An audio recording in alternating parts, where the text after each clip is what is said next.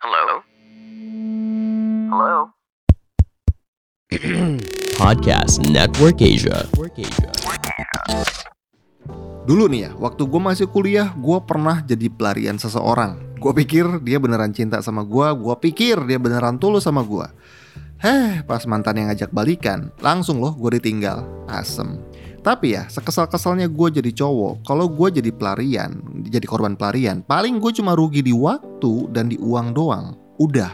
Habis itu move onnya biasanya ya 6 bulan, satu tahun juga udah kelar lah. Tapi, kalau wanita yang jadi korban pelarian, beh, biasanya tuh korbannya ke mana-mana tuh.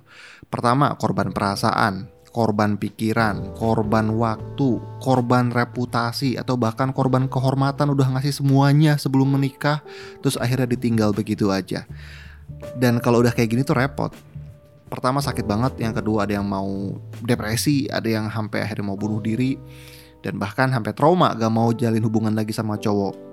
Jangan sampai ya kayak gini. Makanya penting banget untuk wanita terhindar dari cowok-cowok yang jadiin lu sebagai pelarian. Gimana caranya? Yuk, langsung mari kita bahas. Let's go. Hai, gue Jose Aditya, seorang professional love and relationship coach. Di podcast ini, kita akan bahas mindset dan strategi yang bisa ngebuat kehidupan lo dan romansa lo jadi lebih bahagia. Selamat datang di podcast Logika Cinta Jose Aditya.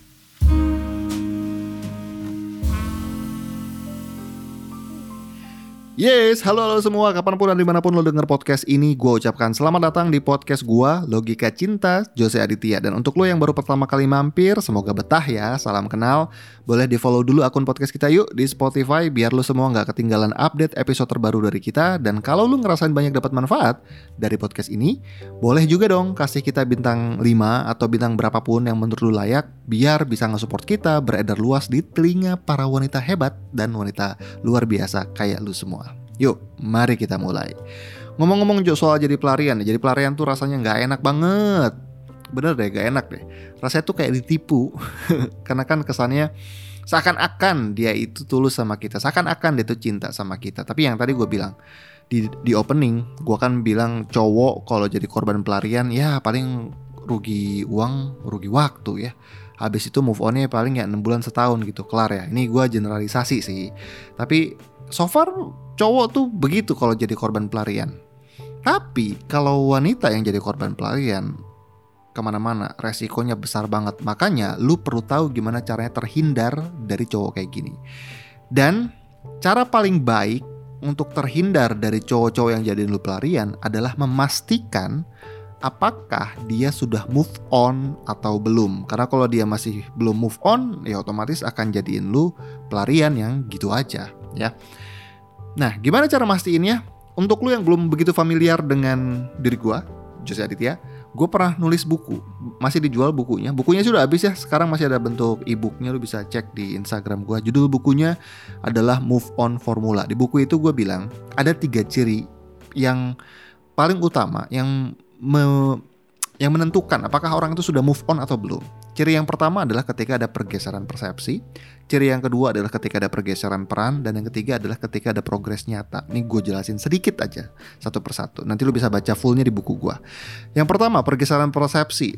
Karena move on itu bukan tentang melupakan, move on adalah tentang pergeseran persepsi. Yang awalnya ketika lu disebutkan namanya ketika lu datang lagi ke lokasinya yang awalnya tuh jadi baper atau jadi bergejolak perasaan, jadi sedih, jadi marah, jadi gak terkontrol.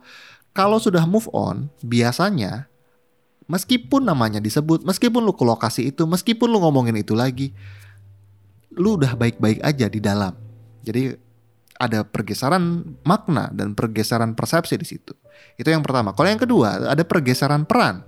Yang awalnya jadi korban, aduh kenapa sih ini terjadi sama gua? Aduh kenapa sih dia tega banget? Aduh kenapa sih Tuhan ngizinin ini terjadi? Yang awalnya jadi korban, seakan-akan gak punya daya upaya. Jadi bertanggung jawab. Cirinya adalah ketika, oh, oke, okay, hal tersebut terjadi karena lalainya gua juga. Ketika lu memiliki dan bertanggung jawab atas hidup lu sendiri, baik buruknya, di situ lu bisa mulai move on. Dan yang ketiga adalah ketika ada progres nyata, entah progres di luar ataupun progres di dalam. Progres nyata tuh dalam arti ya lu udah gak deketin lagi sama dia, atau lu hidupnya udah jadi lebih baik lagi tanpa dia, and so on and so on. Jadi itu tiga cirinya. Cuman lagi-lagi tiga ciri move on ini lebih mudah untuk kita nilai buat diri sendiri. Jadi kita bisa ngechecklist diri sendiri. Tapi kalau untuk ke pasangan atau ke calon pasangan atau ke calon suami agak riweh tuh ngelihat tiga hal ini kalau lu masih awam. Makanya gue uh, nyediain 6 checklist yang bisa lu cek apakah dia beneran udah move on atau belum. Yuk kita mulai dari yang pertama. Ciri-ciri yang pertama kalau dia udah move on, beneran udah move on adalah dia akan terbuka atas siapa saja mantannya dan nggak akan ngerasa risih ketika diminta cerita. Kecuali hal tersebut bener-bener luka masa lalu ya yang dalam arti ada traumatik gitu.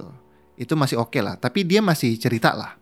Biasanya mereka yang udah move on, ya dia akan cerita-cerita aja, dia akan ngebahas hal tersebut dan bahkan dia akan bahkan dia nggak akan nyalahin si mantannya dia akan bertanggung jawab ya. Gue ada di hubungan yang lalu karena salah gue juga sih.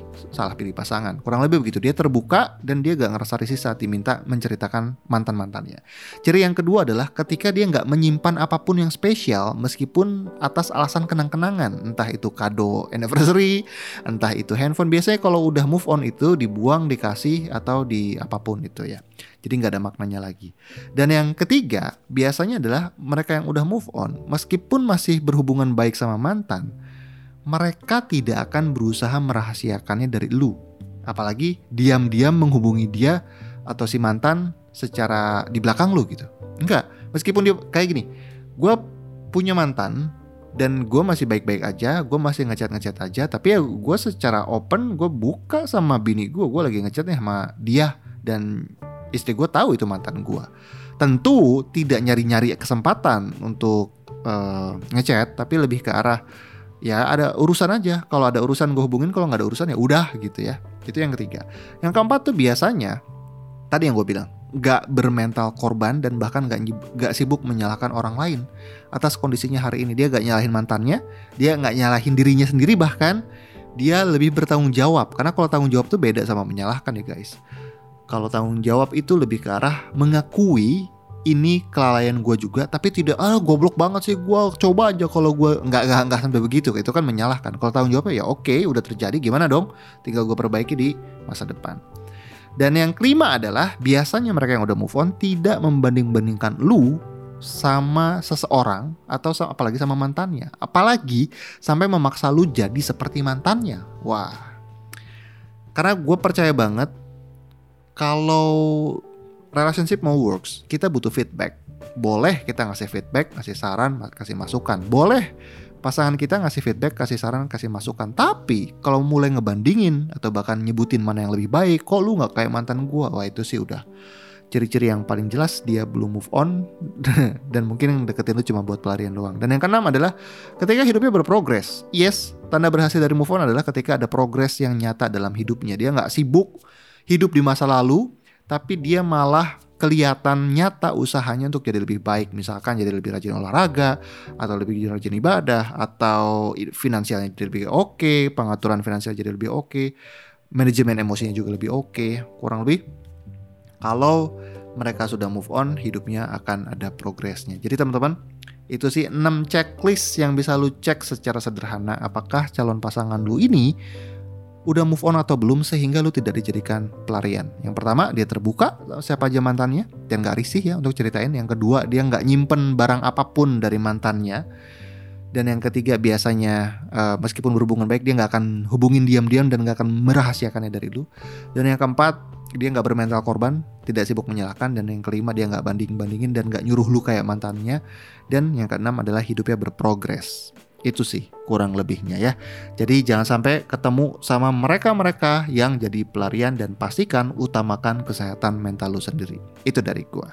Dan untuk lu yang pengen kehidupan relationship yang lebih happy dan juga memastikan kesehatan mental lu juga terjaga, yuk join di VIP True Love karena di True Love adalah platform untuk upgrade diri biar lu bisa happy di sebuah relationship dan juga menjaga kesehatan mental lo. Nah, teman-teman bisa belajar banyak hal di situ, bisa belajar gimana caranya temukan pria tepat, gimana caranya uh, self healing, gimana caranya uh, mencintai diri sendiri, upgrade diri, skill komunikasi, banyak banget yang lo bisa pelajari di sana. Yuk join Joinnya bisa gratis juga, banyak course gratis untuk yang bisa lo mulai secara awal. Tapi kalau mau serius, join yang berbayar. Caranya ke www.truelove.id. Sampai jumpa di sana, sampai jumpa juga di episode berikutnya. Be great, be love, and start today.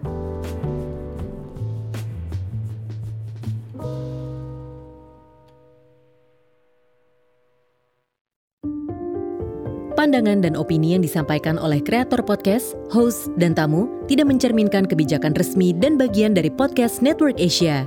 Setiap konten yang disampaikan mereka di dalam podcast adalah opini mereka sendiri dan tidak bermaksud untuk merugikan agama, grup etnik, perkumpulan, organisasi, perusahaan, perorangan, atau siapa pun dan apa pun.